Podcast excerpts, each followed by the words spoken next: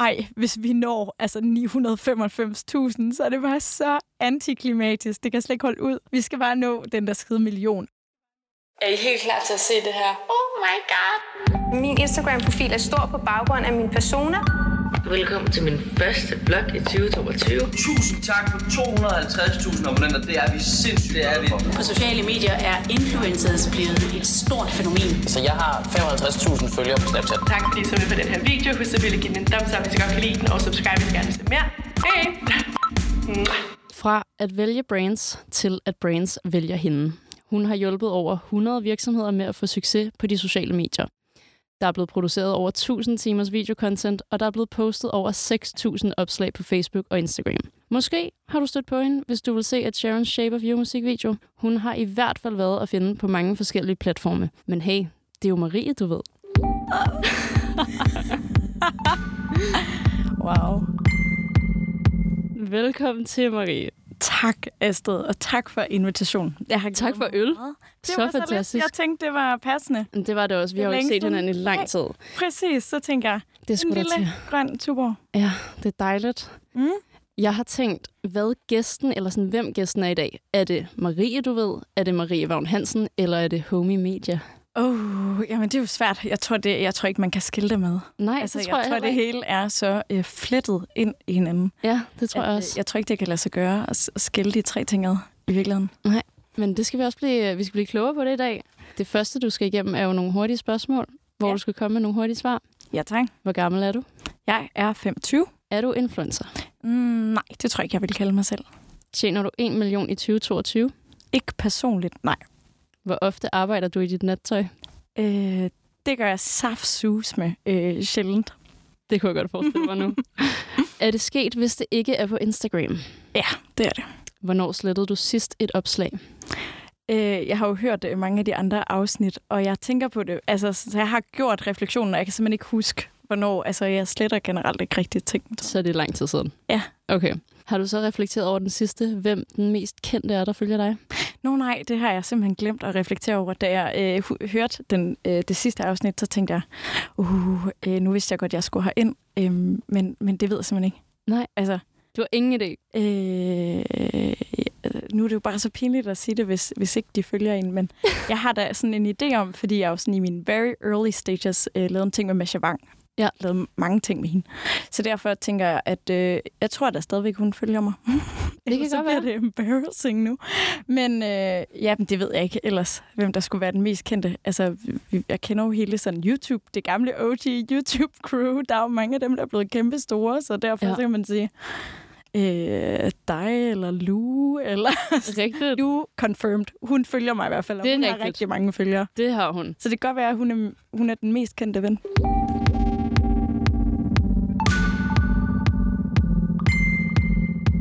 Vi skal simpelthen have breaket hele din karriere ned. Du er gået fra at være helt almindelig influencer, eller hvad fanden, det er jo almindeligt mm. Efterhånden, til rent faktisk at være iværksætter og leve af det. Ja. Og jeg tror, der er mange, der går rundt omkring og drømmer om at gøre noget ud af deres influencerkarriere. Mm. Altså, at de kan vækste på den, at de kan ja. Branche ud på en eller anden måde, sådan, så man ikke skal mm. leve af sig selv hele, hele deres liv. Ikke? Klart. Det har du jo simpelthen formået at gøre. Ja, men jeg tror også, at for, for mit vedkommende har jo været meget et parløb hele tiden. Ja. At jeg har jo ikke haft et tidspunkt, hvor jeg kun lavede mine egne ting. Da jeg startede med at lave ting selv, eller jo, måske lige min Facebook-blog øh, i 8. klasse, ikke? men sådan allerede fra første G. Altså, da jeg begyndte på YouTube, der begyndte jeg også at lave, altså der var jeg begyndt at lave videoindhold for brands, som ikke skulle udkomme på mine egne kanaler. Så på den måde, så har det jo i højere grad for mit vedkommende, tror jeg, end mange af jer andre, har jeg lyst til at sige, været et par løb fra start. Altså, det har aldrig handlet om, at jeg skulle leve af at være mig. Det var mere sådan, jeg har altid set sociale medier som sådan en øveplatform. Vil du have kaldt dig selv influencer fra nogle år siden så? Ja, det ville jeg, fordi jeg lavede kommersielle samarbejder med virksomheder. Men så det var i virkeligheden mere et tilfælde, fordi der var nogle ting, der gik godt på den front. Men jeg tror, jeg i højere grad ville have kaldt mig iværksætter end influencer. Hvornår var du så influencer? Hvilket årstal befinder vi os i? Øhm, jamen, det har jo nok været fra 2015-16 stykker og til 18 måske. Og Ja, hvorfor startede du? Øh, altså, det startede med, da jeg var øh, very young, og var øh, ung øh, teenager øh, hjemme på mit teenageværelse, lige dengang, hvor sådan Facebook-blog-kulturen Ja. var tingen. Det var så At man skulle sygt. bare have en Facebook-blog, og det var bare en Facebook-side. Øh, så der startede jeg Maries blog Smiley. Øh, Hvilken smiley? Øh, bare, bare sådan klassisk. Helt almindelig. Kolon, øh, bindestreg, øh, parentes. Okay, også bindestreg. Næsen også, med. Ja, næsen. Meget vigtigt. sindssyg, mand? Ja, ja.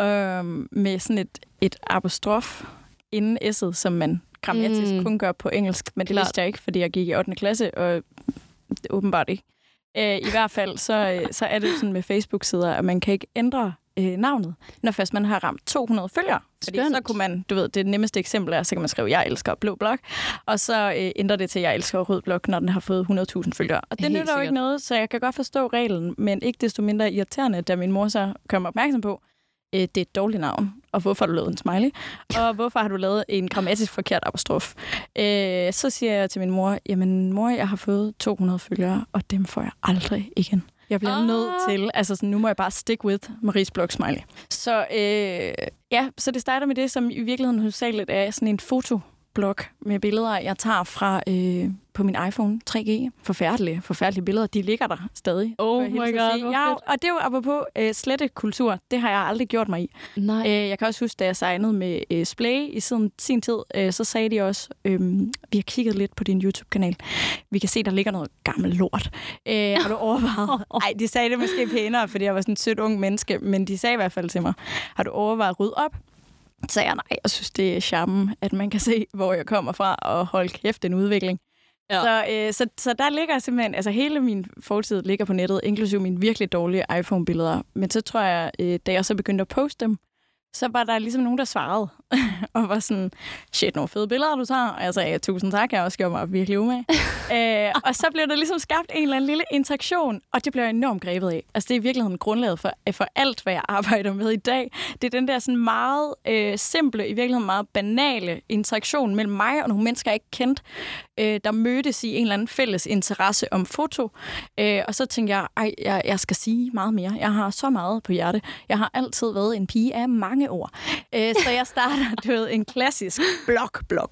Øh, en noget, bloggerstalight. øh, Øh, yes. mariesblog.bloggerstalight.com, fordi man ikke, du ved, var sej nok til at være premium på det tidspunkt. Yes, øh, og Så ikke nogen smiley. Nej, ikke nogen smiley. Det kan man ikke i sådan en uh, URL der, desværre. så, øh, og der begynder jeg at skrive øh, lange indlæg om, hvor hårdt det er at være 16, og ikke vide, hvilken efterskole man skal vælge. Og så er der jo en masse unge mennesker, der også ligesom skriver tilbage. Øh, de også bare synes, det er mega hårdt at være 16, og ikke vide, hvilken efterskole de skal vælge. Og sådan blev, altså, så, så voksede det ligesom med mig, og, og dem, der sådan stille og roligt kom til at følge, og voksede med mig, og vi fuldtes adagtigt i livet. Og så mødte jeg Rasmus Bohav i starten af gymnasiet, fordi han gik på den efterskole, øh, jeg gik på, men årgang under mig. Så øh, på sådan en besøgsdag, hvor vi var nede og sige hej til alle vores gamle lærere, der var der nogen, der introducerede mig til Rasmus. Og han fortalte, øh, når han laver sådan noget inde på internettet, øh, sådan noget YouTube. Og jeg tror, at Rasmus havde, hvis jeg ikke husker helt forkert, øh, sådan en 5-10.000 følgere dengang. Altså, det var jo helt sindssygt. Ja, ja. Det var virkelig lige i den spæde begyndelse. Det var meget sådan teenageværelse-agtigt. Men så kan jeg huske, det faldt mig så naturligt, at jeg lavede meget video. Øh, og nu var der en, der kom og fortalte mig, om, at du har slet ikke nået at kigge på den her platform, hvor det handler om video. Øh, Så jeg tænkte, om jeg har Facebook-blog, og jeg har rigtig skriveblog, jeg skal også have sådan en YouTube-kanal, fordi han sagde, det er ligesom at have sin egen tv-kanal. tænkte jeg, helt sikkert, det skal jeg bare bede om. Øh, og så begyndte jeg øh, på YouTube. Men var du så 13 år, da du laver den her Facebook-blog? Nej, der, er jeg, øh, der går jeg i 8. klasse, så der har jeg været 15 eller sådan noget. Okay. Og så får det simpelthen sådan en domino-effekt. Ja. Fra Facebook-blog til Bloggers Delight til YouTube. Ja. Okay. Og hvad, du, du bliver jo kæreste med Rasmus. Mm-hmm. Jeg ved så ikke, hvornår.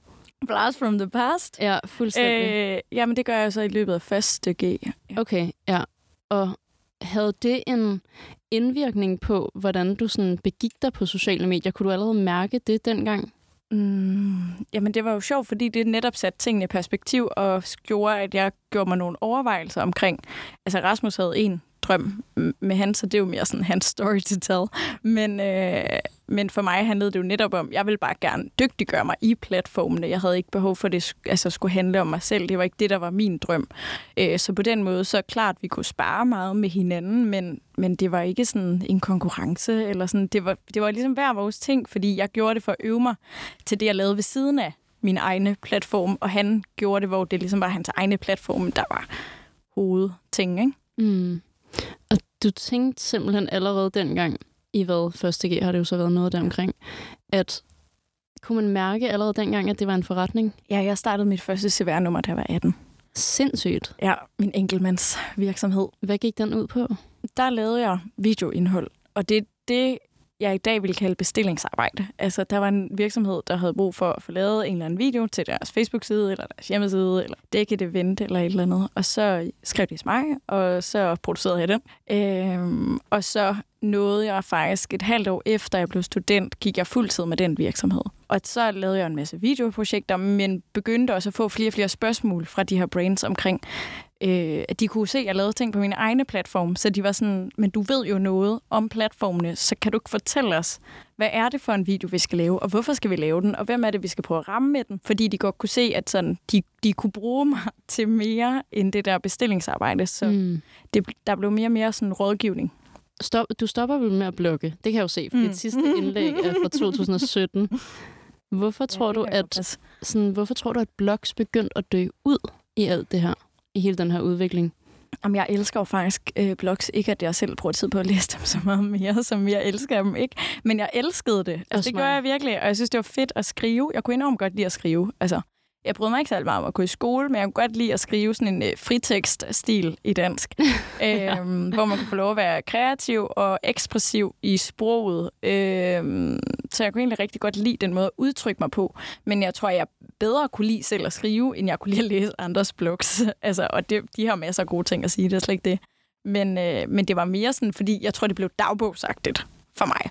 Og man kan sige, at det har ikke været et bevidst fravalg efter, at sådan, det blev mere hardcore øh, virksomhedsdrift. Har det ikke været et bevidst fravalg af sociale medier. Jeg vil ønske, altså, jeg vil ønske, at jeg havde tid til at dokumentere hele mit liv på YouTube. Altså, fordi nu har jeg rent faktisk rigtig meget at sige, fordi jeg laver rigtig mange grinerende ting. Du har endnu mere at sige nu. Hold nu fast. Altså, hvis jeg havde penge til det, så ville jeg bare hyre øh, en videograf, der bare fuldtid skulle øh, følge mig rundt i alle de ting, jeg laver. Fordi jeg selv synes, det er så skidespændende. Ikke at forveksle med, at jeg synes, jeg selv er skidespændende, men det, jeg laver, er saftsus med spændende. Så der, jeg vil elske, der bare var nogen, der fulgt det, og bare kunne udgive et afsnit om ugen fra mit liv. Øh, men det har jeg ikke råd til. Så, så, damn. så, så det har aldrig været, øh, jeg har aldrig sådan valgt noget fra, fordi jeg ikke gad det længere. Det har været udelukkende sådan et spørgsmål om prioritering. Jeg synes bare, det er interessant at sådan kigge på branchen, og hvordan at platformene skifter så meget. Mm. Fordi pludselig døde blogs. YouTube ja. har klart fået et eller andet downfall. Ja. Og nu er TikTok virkelig det nye. Mm. Hvorfor tror du, at vi hele tiden skifter platform på den måde? Fordi at vi er øh, keder os rigtig hurtigt. Ja. Alle sammen. Som samfund tror jeg, vi keder os enormt hurtigt.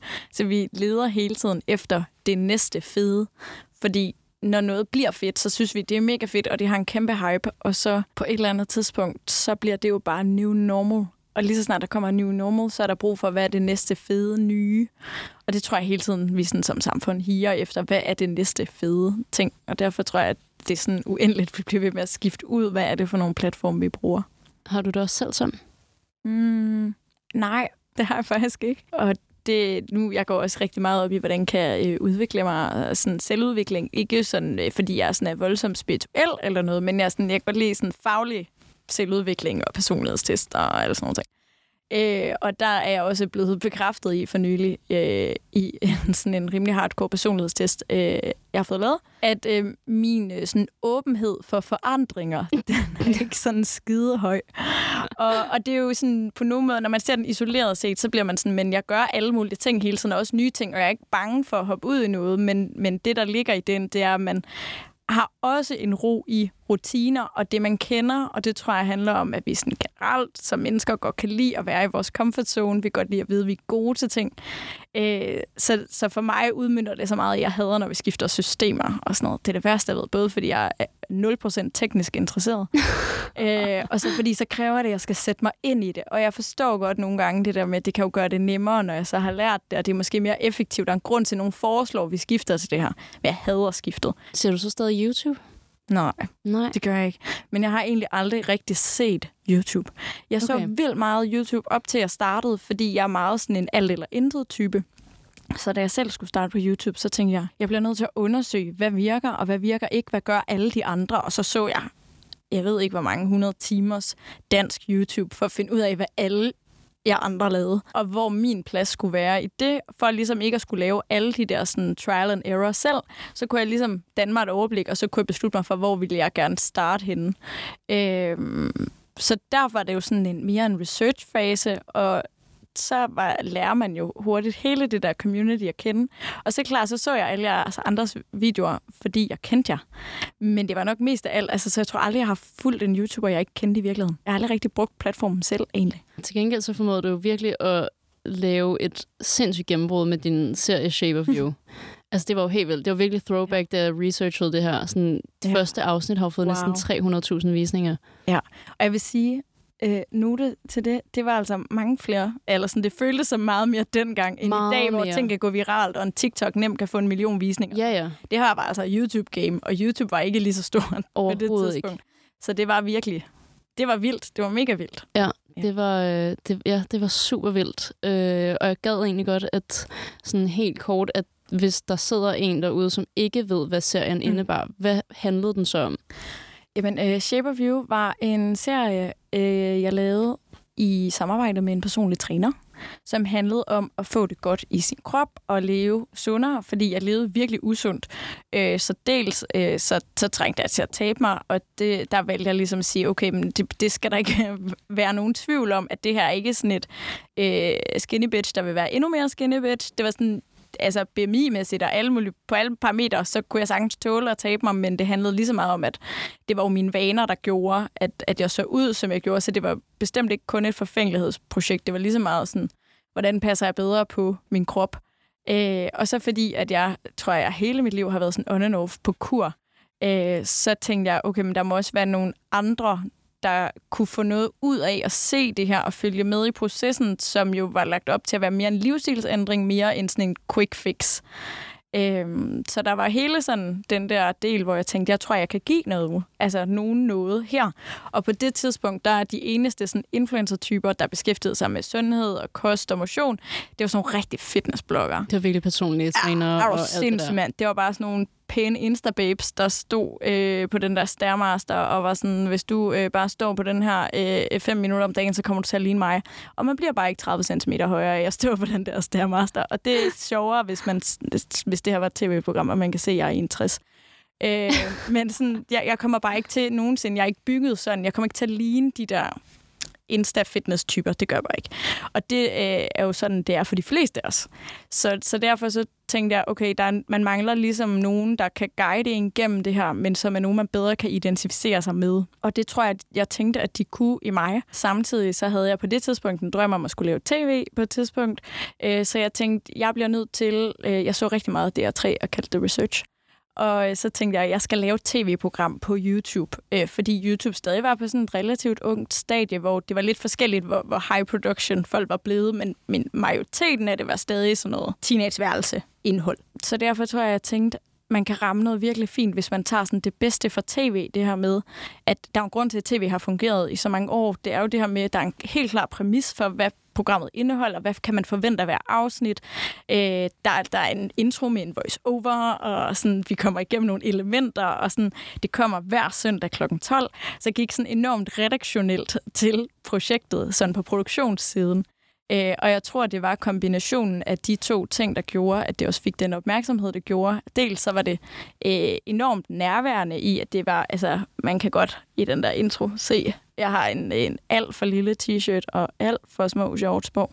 Der kan man godt se, at hende der, hun kunne godt trænge til at leve et sundere liv. Ikke at jeg nogensinde har været voldsomt overvægtig. Øh, hvad var det ikke? Men, men man kunne bare, jeg havde ligesom sat mig selv i et outfit, hvor man ikke var i tvivl om, at det, at det ikke var et forfængelighedsprojekt. Ja, så det var den ene del af det, og så var der hele sådan produktionsdelen af det, hvor jeg tror, det var i højere kvalitet end meget af det, indhold, der var på YouTube på det tidspunkt. Og det er i virkeligheden det, der er hele præmissen. Jeg underviser rigtig meget i sociale medier og i contentproduktion i dag. Og det er hele præmissen for måden, vi arbejder på. Det er den der øh, kombination eller balance mellem kvalitet og nærvær. At vi må aldrig lave noget, der er så high production, at vi går på kompromis med, at det også er nærværende, og man kan mærke det på den anden side af skærmen. Øh, men det må heller ikke være så nærværende og råt, at det sådan, at bliver i dårlig kvalitet, fordi der er så meget altså, konkurrence, øh, og vi stjæler folks tid, det skal vi også have respekt for. Øh, så jeg tror helt sikkert, det var ligesom de to parametre, der gjorde, at det fik den succes, det gjorde. Ja, det gav jo virkelig på det. Det må man sige. Altså, du endte jo med at, at vinde den her øh, award for årets serie til Guldtuben, som var et øh, awardshow for YouTuber. Hvilke sådan, fordel havde det med sig dengang at vinde en pris til Guldtuben? Overraskende lidt. Altså, okay, overraskende få. Øh, der havde jeg virkelig sådan, der tror jeg også, jeg var blevet øh, sådan lidt tændt på, jeg tænkte, okay, måske jeg i hvert fald lige i nogle år kunne køre det der parløb. Også køre, altså jeg tror, jeg havde lidt en forventning om, og det kan også virke sådan lidt, at nu kommer, nu må det bare ligesom komme til mig -agtigt. Det var ikke på den måde, men jeg tror, jeg havde lidt en forventning om, altså jeg blev signet hos Play efterfølgende og tænkte, okay, det var første gang, jeg havde et management, og det var jo virkelig sådan her, øh, min, min YouTube-karriere piker, og jeg havde fået relativt mange øh, følgere, og havde en øh, helt vildt god retention, altså på, hvor mange der blev ved med at følge med, at jeg tror, det kørte jo i sådan næsten 20 uger, og jeg tror, at altså, langt hovedparten, 95 procent af afsnitten, er set over 80.000 gange. Ikke? Altså, så folk blev ved at komme tilbage hver søndag for at se det der. Så, så det var virkelig nogle mennesker, der havde investeret enormt tid, øh, meget tid øh, sammen med mig øh, over de her måneder. Og så blev jeg signet lige på den anden side af guldsuppen, øh, fordi de jo godt kunne se, okay, der sker noget her. Men så synes jeg i virkeligheden, altså, at de er mega søde ude og sådan noget, det er slet ikke det, men, men de fik ikke rigtig lukreret på det, øh, på det niveau, man kunne have gjort. Altså, man kunne have taget fat i samtlige sportsbrains, samtlige madfirmaer, samtlige alting. Men jeg fik nærmest ikke nogen kampagner det første halve år, jeg var hos Play. Og så var det jo, at jeg gik selvstændig fuldtid med min egen virksomhed og begyndte at producere mere for andre. Så var der mindre tid til YouTube. Så det der momentum, der lige var et kort øjeblik, og som jo bare forsvinder så hurtigt igen, det, øh, det udnyttede de ikke godt nok, og, og jeg havde ikke selv sådan, altså på det tidspunkt, der anede jeg ikke noget om forhandling, og øh, der skete så mange andre ting. Øh, jeg havde lige et halvt år på et kommunikationsbureau, så det var sideløbende, så derfor så, altså, jeg prioriterede heller ikke selv at gå ud og opsøge. Altså, jeg kunne sagtens selv også så have lukreret på det. Mm. Men, øh, men, men det blev der ligesom ikke gjort for nogen af parterne, og så forsvandt momentum, fordi jeg fik travlt med alt muligt andet. Men jeg vil sige sådan, øh, hvis man ser det i et lidt bredere perspektiv, og hvis man ser det også på vores start øh, året efter øh, Guldtuben starter også Home Media, som er mit selskab i dag. Og øh, der var det da helt sikkert en af de ting, vi slog på. Dels altså sådan min generelle tilstedeværelse, at vi var et af de få bureauer, der var ledet af en, der rent faktisk havde bygget sit eget brand og sideløbende også havde fået erfaring med at gøre det for virksomheder. Så jeg havde også bevist, at jeg kunne konvertere min erfaring til brands, så det, at jeg kunne også gøre det uden for min egen kontekst. Ikke? I forhold til at bygge vores brand i Homey har det været fint, fordi alle de voksne, de bare har været sådan, nej, og fancy, så har hun vundet sådan en pris. Æ, så, så på den måde har det været rigtig fint. Hvad med konsekvenserne ved det? Fordi at du eksponerede jo dig selv via noget så sårbart som, mm. hvad kan man sige, en, en, jeg har jo lyst til at kalde det vægttab, men det lyder så voldsomt i jo, de her det tider. Har det været pres efterfølgende? Det ved jeg ikke. Altså sådan, nej, det tror jeg sgu ikke, at det har været sådan. Altså, øh, jeg synes egentlig, det mest udfordrende var, at der var kommet en masse følgere til, der var kommet for noget meget specifikt. Ja. Og øh, i virkeligheden, så er sådan, the true story efterfølgende var jo, at det sekund, jeg var færdig med det der forløb, så var jeg bare sådan, gud, hvor gider jeg bare ikke sidde på en romaskine. Og gud, hvor skal jeg bare have 8 kilo spaghetti carbonara og 5 plader marbu. Altså sådan, så på den måde, så var det egentlig ikke rigtig lykkedes mig at lave den livsstilsændring, jeg havde håbet på. Jeg var endt med at se ud, som jeg gerne ville, og jo havde en mega stærk og sund krop, som holdt i fem minutter. Ej, det er fandme tæt på. Det er ikke meget galt. Øh, så derfor så vil jeg sige, så, så gad jeg jo faktisk ikke rigtigt. Så jeg vil egentlig meget hellere fortælle om at være iværksætter, men det er enormt svært at konvertere et publikum, der er kommet ind på noget meget specifikt nichemæssigt, øh, til at være sådan, når man kan I ikke lide mig personligt nok til at ville følge med i noget, der handler om noget andet, fordi det er jo en lige så stor del af mig, øh, og det gad de fandme ikke, øh, og fred være med det. Så der har været sådan en enorm stor dels fald i følgere, fordi jeg ikke poster særlig meget, og har postet virkelig begrænset de sidste fem år, men også baseret på, at jeg begyndte at poste nogle andre ting. Så der har været en enorm stor udskiftning. Altså, det er ikke mit indtryk, at der er særlig mange af de følgere, jeg har i dag, af dem, der tilbage. Jeg vil faktisk gerne snakke med dig om den her overgang fra influencer til, at du stifter Homie. Ja. Hvordan får du ideen til at stifte Homie? Jamen altså, dels så er det jo den her udvikling i min enkeltmandsvirksomhed, hvor jeg går fra at have meget af det her bestillingsarbejde til i langt højere grad at blive booket til sådan rådgivningsdelen. Og så øh, på det tidspunkt har jeg en kæreste, som jeg bor sammen med, Sebastian, og han var revisor-trainee inde hos Deloitte. Det var han ikke så glad for. og det kan jeg jo sådan set godt forstå. Jeg afskyer tal. Øh, så det kan jeg godt forstå. Og så tror jeg, øh, han har også meget sådan en iværksætter spirit. Og så tror jeg, at det lå meget til højre benet for ham, fordi han vidste en masse om administration og økonomi. Øh, ligesom at foreslå, burde man ikke lave et eller andet sammen. Og det gav sindssygt god mening. Altså, vi supplerer hinanden enormt godt i forhold til, at vi har så forskellige kompetenceområder, og jeg var ligesom typen, der sådan ofte glemte at sende fakturer, øh, altså regninger, for de ting, jeg havde lavet. Fordi der havde jeg ligesom lavet den del, jeg synes var sjov. Øh, og når jeg så stod og skulle betale husleje og sådan noget, hvilket jeg i øvrigt altid havde gjort til tiden, men når det ligesom nærmede sig, så tænker jeg, det kan sgu da ikke passe, jeg har da arbejdet, du ved, hvor er pengene henne? Så derfor så vil jeg sige, det gav vildt god mening at gå ind i det setup, fordi jeg stadig var meget, altså dels ung, øh, aldersmæssigt, men også meget ung i virksomhedssammenhæng. Og jeg havde sgu ikke særlig godt styr på det der, og jeg har bare gættet på alle mine forskudsopgørelser og selvangivelser og sådan noget. Jeg tror, jeg, altså, jeg har gættet ud fra ægte, nu har vi jo haft øh, erhvervsøkonomi på Niels bonus bonuspater adfærd, som jo bare er sådan det mest ordentlige. Altså, jeg har vidt lidt ikke prøvet at snyde nogen, og det jeg tror heller ikke. Jeg tror, jeg har snydt mig selv lige så meget, som jeg har snydt, du ved, den anden vej. Men det var virkelig ikke min stærke side, og der er jo bare tusind ting, man skal altså sætte sig ind i. Jeg har den dybeste respekt for solo-selvstændige.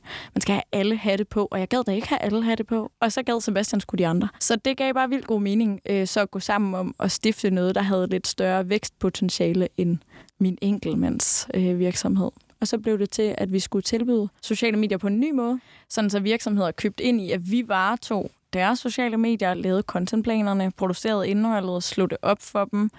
Øh, så lidt ligesom at have en SoMe manager, men det var der rigtig mange, der ikke havde råd til, og der var rigtig mange virksomheder, der heller ikke rigtig lige havde fundet ud af, de skulle være på sociale medier endnu. Og hvorfor kaldte de det homie? Det er en sjov historie.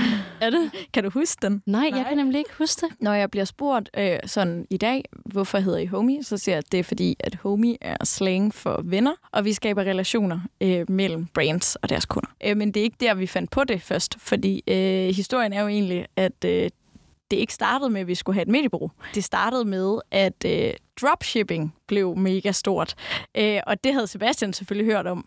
Øh, uh, der er noget, der hedder dropshipping, og så kan man have en hjemmeside, altså sådan en webshop, hvor, hvor man ikke engang behøver at have et lager. Man kan bare ligesom droppe det direkte fra et eller andet fjernlager, og så direkte til kunden, så man kan lave en webshop mega nemt. Øh, og så sagde jeg, det er sgu da genialt, vi skal da bare have en webshop, fordi jeg tror på, at jeg kan sælge produkterne. Altså jeg tror på, at mit influencer-netværk er så stort, at der er virkelig mange, vi kan trække på for gode priser på. Øh, jeg tror på, at jeg kan samle mange til events, og sådan, vi troede på, at vi kunne markedsføre, øh, det skulle være en interiør-webshop. Og så brainstormede vi jo på, hvad skulle den her interiør-webshop hedde? Jeg kan godt huske det nu. Og så tænkte vi, homie, fordi det er homie som i hjemligt. Og så gik det lige op for os, da vi havde arbejdet øh, en måneds tid på det der interiør-webshop dropshipping show, at det var lidt fjollet at lave en interiør-webshop, bare fordi vi troede på, at vi kunne markedsføre den. Så kunne det godt være, at vi bare skulle lave markedsføring. Og det er thank God. Så, så skulle vi jo lige pludselig starte en ny navne-brainstorm, da det gik op for os, at vi skulle have sådan et somi mediebureau i stedet for en interiør-webshop. Og vi brainstormede, og vi søgte på alle, altså så slår man jo sådan op i CVR, øh, registret, hvad hedder folk i forvejen, og hvad kan vi få et domæne til, og alt, hvad der bare hed noget med social og øhm, whatever, det, det er jo bare taget.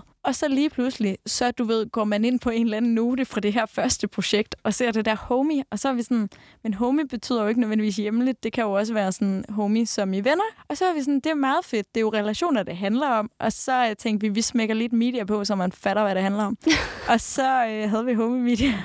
I lavede simpelthen bare storytelling om Fuldstændig. Ja, vi Ja. lavede bare sådan, markedsføring. nej, præcis. Og det er jo derfor, at, det var rigtig godt, at vi lavede det, i stedet for en interiør-webshop. Fuldstændig. Thank God. Og helt praktisk, hvordan stifter du i så homie? Altså, havde I pengene til det i forvejen? Eller, Vi indskød ikke noget som helst. Eller, okay, I startede IVS, eller Ja, hvad hed det Nej, dengang? det gør vi faktisk ikke. Det var ikke et iværksætterselskab, det var et IS. Øh, Som er hvad? som er et interessentskab. Okay. Som er lidt same same. Også et selskab, hvor det ikke kræver nogen kapital. Så det var sådan et personligt eget selskab, interessentskab. Så har vi sidenhen omdannet til et APS. Men Det kunne jeg se. Ja. Hæver du nogle øh, kunder med fra din influencer-karriere ind til homie? Altså sådan kon- kontakter fra branchen eller Nej, sådan noget? og det var så dumt. Eller sådan, det, det var intentionen. Også fordi jeg havde jo en enkeltmandsvirksomhed, hvor jeg leverede meget af det samme produkt. Også fordi vi vidste jo godt, at når vi kan ikke kun leve på det her abonnement, vi kommer også til at lave det, man kalder ad hoc-projekter, øh, sådan enkeltstående projekter. Så jeg kan jo fortsætte med, altså vi ved ligesom, okay, der er en base i, at jeg tror, jeg omsat måske sådan noget mm, 25.000 i gennemsnit eller sådan noget om måneden i min enkeltmandsvirksomhed, og arbejdede måske øh, fem dage om måneden. Altså, jeg havde så meget tid. Jeg ved slet ikke, hvorfor jeg ikke brugte den på noget mere effektivt. Så tænkte vi jo, når easy, vi har den bund jo, at, at jeg havde aldrig været ude og skulle lave opsøgende salg. Altså, det var ligesom alt sammen noget, der kom fra kontakter, jeg havde opbygget, fordi jeg havde brugt det som fritidsjob i gymnasiet. Men så skete der bare det, at jeg tror ikke, jeg var god nok til at kommunikere, at alle mine øh, sådan øh, forhenværende samarbejdspartnere, de kunne sagtens stadig booke mig. Øh, og jeg har sådan mødt flere efterfølgende, øh, hvor der måske var gået et år eller to, hvor vi har snakket om det, og nogle af de relationer, hvor man godt kunne spørge dem, og var sådan, hvad skete der? Altså sådan, hvorfor, hvorfor holdt de op med at ringe til mig? Og så var de sådan, du var jo startet på et nyt projekt. Så der er vildt mange af dem, der kendte mig i forvejen, der havde set, at jeg havde stiftet det her firma, og ikke rigtig forstået, at at det betød ikke, at jeg ikke kunne varetage de samme opgaver, jeg plejede at gøre for dem. Og jeg kunne helt sikkert også have gjort mere ud af, så at tage fat i dem og være sådan, hallo, du ved, jeg er her stadig. Øh, Så det gjorde faktisk, at det var, jeg synes, det var en meget hårdere proces, end jeg havde regnet med. Hvad med, hvad med Bloggers Delight så? For jeg så jo jeres sindssyge øh, kundekartotek inde på jeres hjemmeside. Yes. Det er så sjovt, jeg har ikke besøgt jeres hjemmeside i otte år, føles det som. Ej. Sindssyg hjemmeside forresten. Nå. Virkelig, øh, virkelig god hjemmeside. Nå, det er jeg fandme glad for, at du siger. Jeg hader den øh, hjemmeside mere end livet. Er det Men det er fordi, der har været så mange problemer med den, og vi har betalt øh, en milliard million, føles det som. Når et projekt har været for besværligt og for Mm. langtrukkent, så bliver jeg bare træt af det. Så gider jeg ikke mere. Ej, det forstår jeg godt. Men den, er, Øhm. den er meget brugervenlig, vil jeg sige. Tak for det. Tak. Men hvad, var, hvad har været hårdest for dig? Var det det her med at være i branchen selv som influencer, eller har det været at skabe branchen for andre, som du gør nu?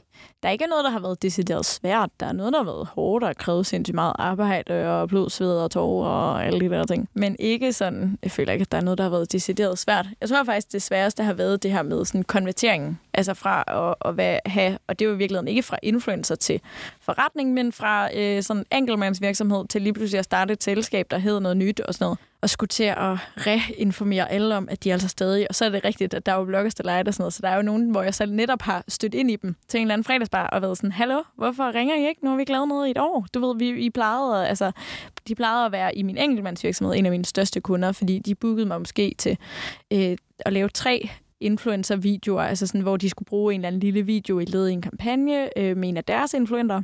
Og så fik jeg typisk øh, 5.000 for at levere sådan en video, og hvis jeg så gjorde det tre gange om øh, måneden, så tog det mig cirka tre dage, og så havde jeg ligesom sikret de første 15.000 med løn, ikke? og havde nul udgifter. Så det var bare den nice, easy life. Men øh, så var de sådan, Nå, men det var netop, altså Bloggers Delight er også en af de kontakter, der så har fortalt mig efterfølgende, sådan at, Nå, men det var fordi, vi troede, det var noget helt nyt, du var i gang med, og vi troede ikke, vi kunne ringe til dig mere. Så, så er de jo ligesom nødt at finde nogle andre, de kunne trække på, men så er de så sådan kommet lidt tilbage igen. Godt. Ja. Dejligt. Ja. Savner du nogensinde influencer-livet? Ja, og det sindssygt, det var det så sjovt. Det var så sjovt. Jeg elskede alt ved det. Øh, det gjorde jeg faktisk. Også fordi, at jeg tror, jeg har er virkelig sådan... Øh, min sådan influencer-karriere har været enormt taknemmelig. Altså, jeg har aldrig skulle høre på noget lort eller sådan noget. Jeg tror, jeg kan tælle på en hånd, hvor mange grimme kommentarer jeg har fået i mit liv. Altså sådan. Så, så det var så taknemmeligt. Og i det omfang, da jeg ligesom piker, øh, der er det sådan, at jo, hvis jeg er på hovedbanegården, så skal jeg nok rende ind i en skole klasse, der skal have billeder, eller på strået, eller sådan noget. Øh, men ellers, det har hele tiden været også sådan, selv da det virkelig pikkede, der var det i sådan et omfang, hvor jeg elskede alt ved det. Fordi det var ikke sådan, jeg ikke kunne gå på gaden. Overhovedet ikke, så kan har aldrig været. Men, øh, men det var sådan i det omfang, at jeg sådan et par gange om ugen blev taget fat i af nogen, der sagde, hey, jeg følger dig, jeg synes, det er mega fedt. Og jeg synes, det er, prøv her, det er sgu da det fedeste, der man kan opleve i hele verden. Tænk, at der er nogen, der følger ens øh, ting inde på internettet, og synes, det er så nice, at de gider at komme og prikke dig på skulderen og sige det til dig. Jeg synes, det er det største kompliment. Øh, fordi jeg ved, hvor meget det ligesom kræver af folk faktisk at gå hen og sige det. Øhm, så, så jeg synes, det var mega fedt. Jeg blev da inviteret til alle mulige grinerende events, og jeg fik så mange nye venner, og øh, det var så spændende en branche, og altså, der var i rivende udvikling. Altså, så, så jeg savner det da helt vildt. Jeg synes, det var mega fedt. Men jeg tror også, det var fordi, det netop... Altså, jeg nåede ikke at blive træt af det. Og jeg valgte ikke fra, fordi jeg ikke gad mere. Øh, jeg fik bare travlt med noget andet, og, og jeg er 100% øh, rolig i min prioritering og i, i min til- og fravalg. Men jeg elskede alt ved det, så jeg savner det da nogle gange mega meget. Hvad er din status, eller sådan, hvad er din, hvad er din titel så nu? Du er jo ikke influencer mere. Du har Homie. Hvad ja. er du hos Homie? Jeg er medejer og kreativ chef. Okay. er du stolt? Øh, ja, for fanden, jeg er stolt. Er du sindssyg? Jeg er mega stolt. Altså, øh, jeg ved, hvor meget det har taget at bygge det op, vi har i dag. Så jeg, jeg, jeg er stolt helt ind i knoglerne. Ja. Det er virkelig dejligt at høre. Jeg blev også meget venindestolt, da jeg så jeres hjemmeside i dag. Oh, thank you. Det var bare sådan at se hele jeres kundekartotek, og mm. Det er virkelig, det er rigtig sejt. Jeg, jeg, ja, al applaus til, at I har fået skabt den forretning. Thank you. Hvordan får I egentlig fat i en kunde? Er det dem, der kontakter jer, eller går I ud og sådan pitcher jer selv ind og sådan noget? Begge dele. Okay. Øhm, vi laver både opsøgende salg, og øh, indtil for et par måneder siden faktisk, øh, har det siden år et været kun mig, der solgt. Øh, så øh, der har været meget arbejde.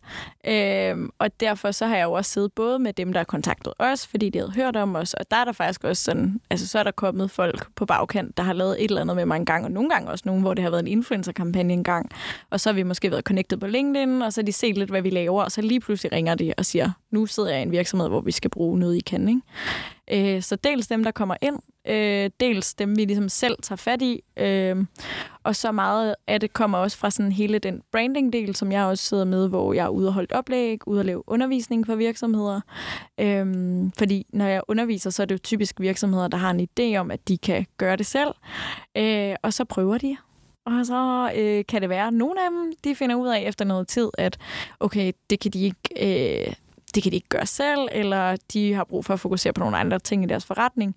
Og når de så skal outsource det, så er det bare enormt nærliggende at ringe til øh, hende der pigen, der stod og fortalte om det i fem timer. Ikke? øh, så, øh, så der kommer også meget fra den del, øh, og netværksmøder og sådan alle mulige ting. Så sådan, der er alle mulige måder, hvor vi er ude og gøre opmærksom på os selv. Der er selvfølgelig for folk til at kontakte os, men vi kontakter os øh, alle mulige virksomheder, hvor vi har en god idé til noget, eller øh, har en portefølje af kunder i dag, hvor vi siger, okay, vi ved, vi er gode til det her, vi har en fed case, det her kan vi også lave for jer-agtigt.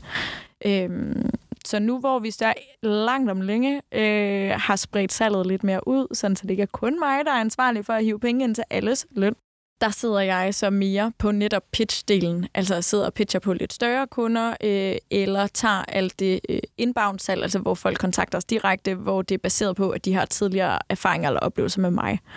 Øh, og så sidder de andre og arbejder med, vi har lavet sådan et lead-setup på Facebook, øh, Instagram og LinkedIn, hvor vi betaler nogle annoncekroner, for at folk ligesom skriver sig op til at få et gratis produkt. Vi kører i øjeblikket, at man kan få fem tilpassede TikTok-idéer til sin virksomhed. Øh, og så har vi en anden annonce, der kører, hvor man får en content-kalender til de næste to måneder. Og så har vi en tredje, hvor det er en gennemgang af din virksomheds sociale medier. Og det er alle tre ligesom sådan et gratis produkt, hvor vi investerer måske en time i at tilpasse det til lige præcis den her virksomhed og holde et møde med dem, hvor vi præsenterer det. Det er ganske uforpligtende. Øh, til gengæld så kommer vi i berøring med sindssygt mange virksomheder, og så er der jo også en del af dem, der så siger, okay, mega fede forslag, hvad koster det, hvis I skal udføre det også? Øh, så det er ligesom den primære måde, at vi får folk ind i forretningen i dag. Og hvad koster det, hvis I skal udføre det? Det er jo afhængigt af omfang. Ja, og jeg ved det jo godt, for jeg tænker jo nok, at det her vil være det sværeste for dig at svare på, mm. fordi det er jo ligesom at spørge en influencer, hvad man tjener på en måned. Men Vil du kunne nævne en kampagne, eller den sidste kampagne, sådan, mm. så at man forstår, eller får bare et nogenlunde indblik i økonomien?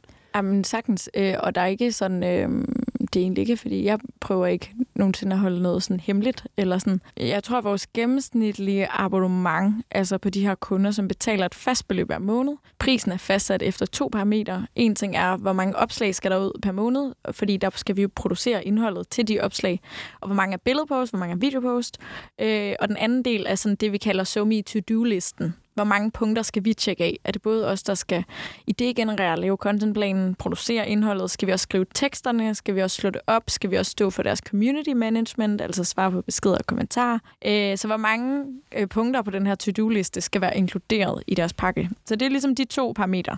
Og jeg tror, at vores gennemsnitlige abonnement betaler 15-20.000 om måneden. Og jeg tror, at vores øh, største abonnementskunde betaler en 45-50.000 om måneden.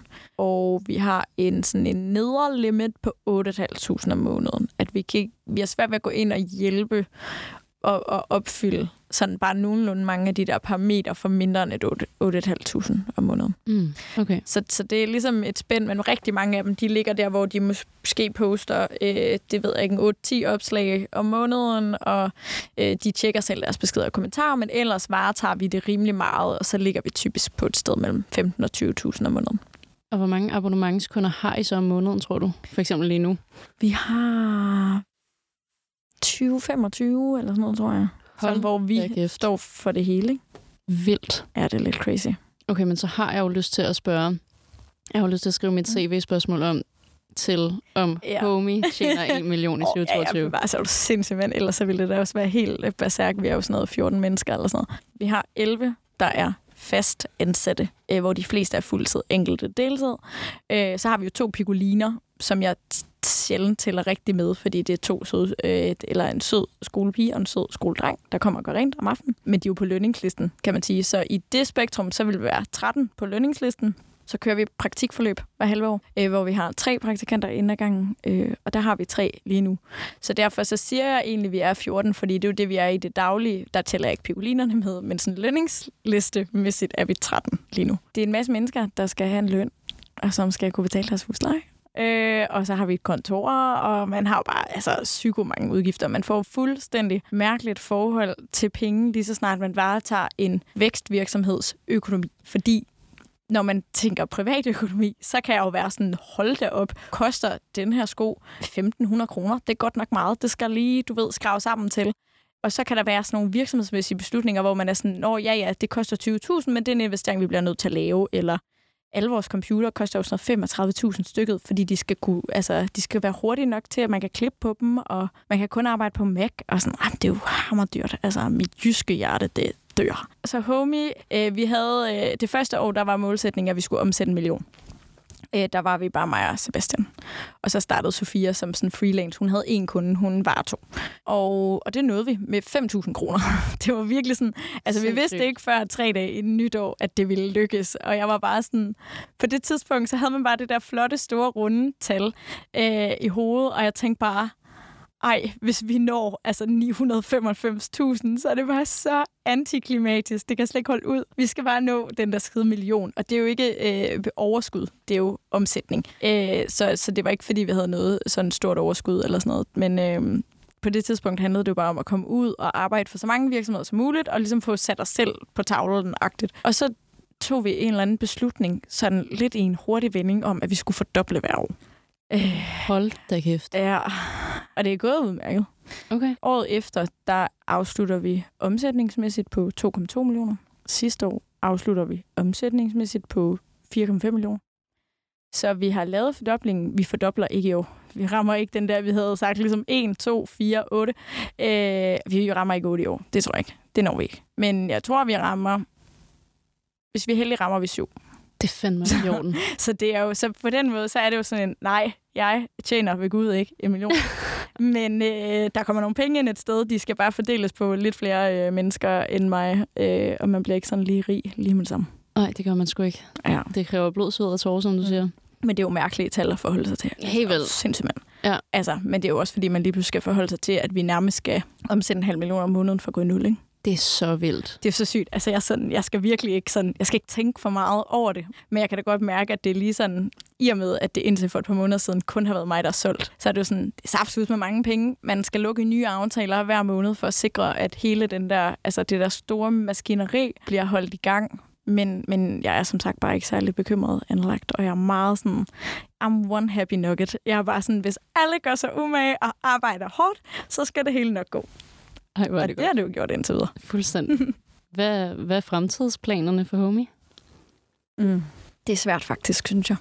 Skal det bare maksimeres, eller skal I varetage flere områder? Skal I pludselig være et management også? Eller sådan, forstår du, hvad jeg mener? Ja, ja, klart. Øhm, jeg tror ikke, at vi umiddelbart skal ekspandere med øh, sådan andre forretningsområder. Fordi jeg kan egentlig... Øh, jeg kan ikke selv så godt lide det der med dem, der bare siger, at de kan det hele.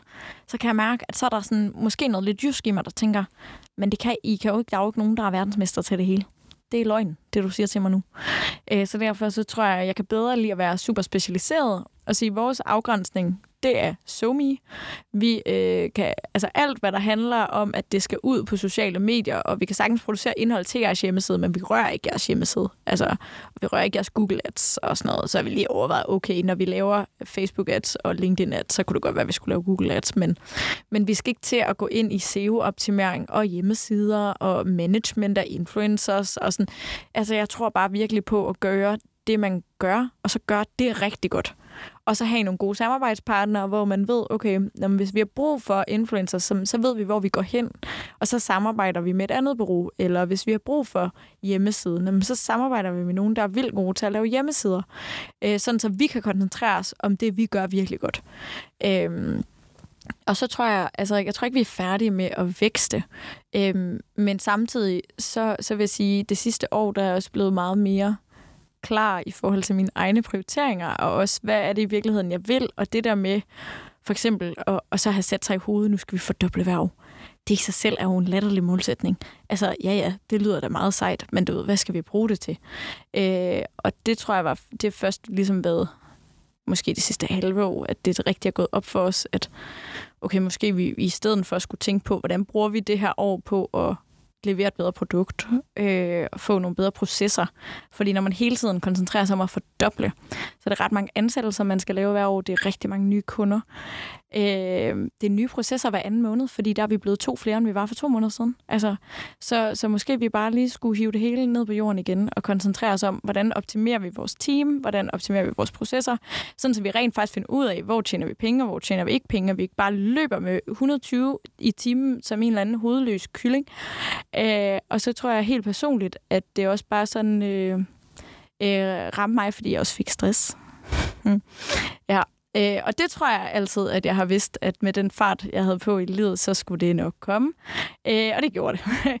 og nu øh, synes jeg i virkeligheden, det er en kæmpe gave at have haft stress, fordi at jeg har lært så meget om mig selv, og jeg er blevet meget bedre til at mærke efter og prioritere anderledes. Og øh, jeg har en mega dygtig erhvervspsykolog, hvor jeg stadigvæk går hver måned, fordi hun er bare pisse dygtig, og så arbejder hun også med lederudvikling. Øh, så nu har vi ligesom været sådan, nu hvor jeg ikke har stress længere, så bliver vi nødt til at finde på et eller andet fornuftigt at bruge tiden på, nu hvor jeg insisterer at komme der en gang om måneden. Men øh, det skaber sådan ro i mig at vide, at øh, hun holder øje med mig, men så kan vi bruge tiden fornuftigt. Øh, fordi erhvervspsykologer er ikke billige. Øh, alt, der hedder erhverv først, det er pisse dyrt. Men øh, ja, så, så mine prioriteringer, prioriteringer har ændret sig i virkeligheden ret drastisk, tror jeg, hvor det handler meget mere om, altså jeg vil gerne skabe en god arbejdsplads, jeg vil gerne være en god leder for de mennesker, vi har ansat, jeg vil gerne levere et mega godt produkt til vores kunder og en god service, og sådan, der er så mange ting, der i mit hoved kommer før at vækste toplinjen. Tror du, at der er brug for homie om 30 år? Det ved jeg saftsus mig. Altså, fordi jeg har jo, altså, bare her inden sommerferien, og så slog det mig ligesom første gang, at vi har bygget en forretning udelukkende på noget, der sådan ikke eksisterede for 10-15 år siden. Det er så hele vores forretning. Øh, og hvis det kan komme på 10-15 år, så kan det forsvinde øh, endnu hurtigere. Men jeg tror, det handler om, at man bliver ved med at gøre sig umage for at være stadig sådan den nye dreng eller pige i klassen. Altså det der med, at i år er vi gået mega meget ind i TikTok. og det er så grineren. Altså, det er virkelig sådan en, det var en platform, hvor jeg synes, det var lidt fjollet, men den er bare vokset så meget på mig, nu elsker jeg TikTok. Øh, det er ikke engang, fordi jeg sådan selv bruger vildt meget tid på TikTok. Det er der heldigvis nogle af de andre, der gør. Men jeg elsker, når vi har cases på TikTok, og jeg synes, det er mega sjovt at lave det for virksomheder. Øh, og så er det bare en sindssyg platform i forhold til, hvor stor en rækkevidde du kan få for hvor få penge og for små produktioner. Ikke? Det er, det er så vildt. Ja, så øh, jeg tror, det handler om, at man husker at følge med. Øh, og der øh, er jeg jo meget bevidst om min øh, mangel på åbenhed for forandringer. øh, så, og det er jo lige præcis derfor, vi, så det er faktisk det med min erhvervspsykolog, jeg lige er blevet voldsomt personlighedstestet. Øh, vi brugte to timer på at gennemgå øh, hver punkt i den der test. Mega spændende. Øh, men så jeg er enormt ops på det, fordi at det er jo i virkeligheden det, man jo skal bruge sådan noget til. Det er jo også ligesom til at identificere ens egen blindevinkler og finde ud af, hvad er det så, jeg har brug for i det lederteam, vi har. Hvordan sikrer jeg, at de andre har nogle andre kompetencer end mig, sådan så vi samlet set udgør et virkelig stærkt team. Øh, så, øh, så jeg tror, det bare handler om, at man bliver ved med at følge med, og netop ikke bliver sådan en, uh, man orker ikke rigtigt det nye. Det bliver, vi bliver nødt til at orke det nye. Øh, men indtil videre, så synes jeg heller ikke, at der har været det er ikke blevet en ork endnu, men jeg har tænkt lidt over, hvornår kommer der noget, hvor ligesom at vores forældres generationer, der er det ikke alle, der forstår sociale medier rigtigt.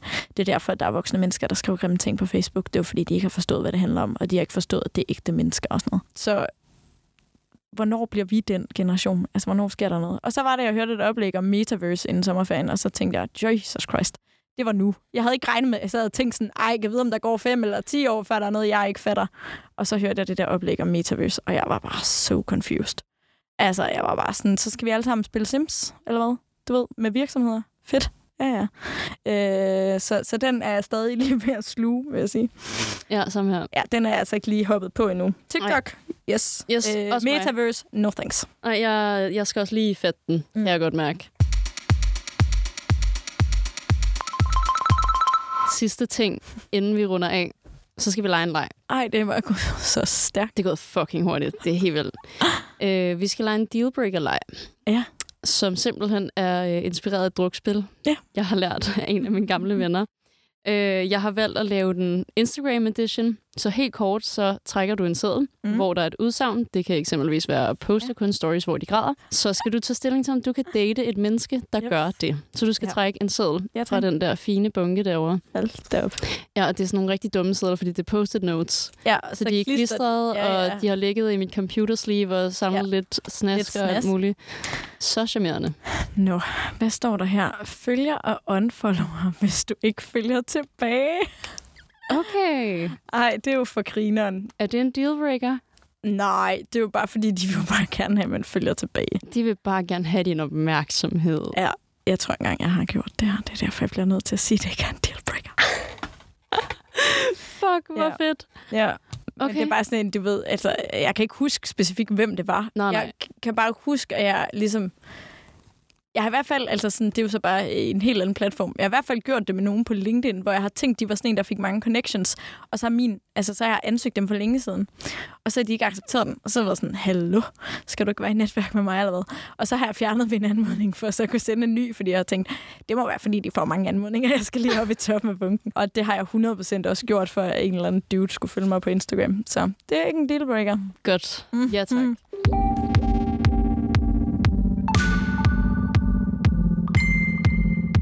Tak for din tid så. og tak for din ærlighed. Det har været virkelig Selv. nice tak. at lære om din forretning og høre din historie ordentligt. Tak til alle, der har lyttet med i dag. Husk at fortælle den, du sidder ved siden af på Somi Akademiet og din 7-Eleven-ekspedient om Like mig. hvis du sidder derude med en god idé, eller en person, I gerne vil have med, så skriv til mig. Også hvis du sidder inde med lidt gossip, som vi skal afmystificere. Næste afsnit kommer på fredag kl. 7. Hvis du gætter ugens gæst inden, så sender jeg en selfie-hilsen. Vi ses. Hvor gik det stærkt. Vildt. Nej, nej, nej, nej, nej.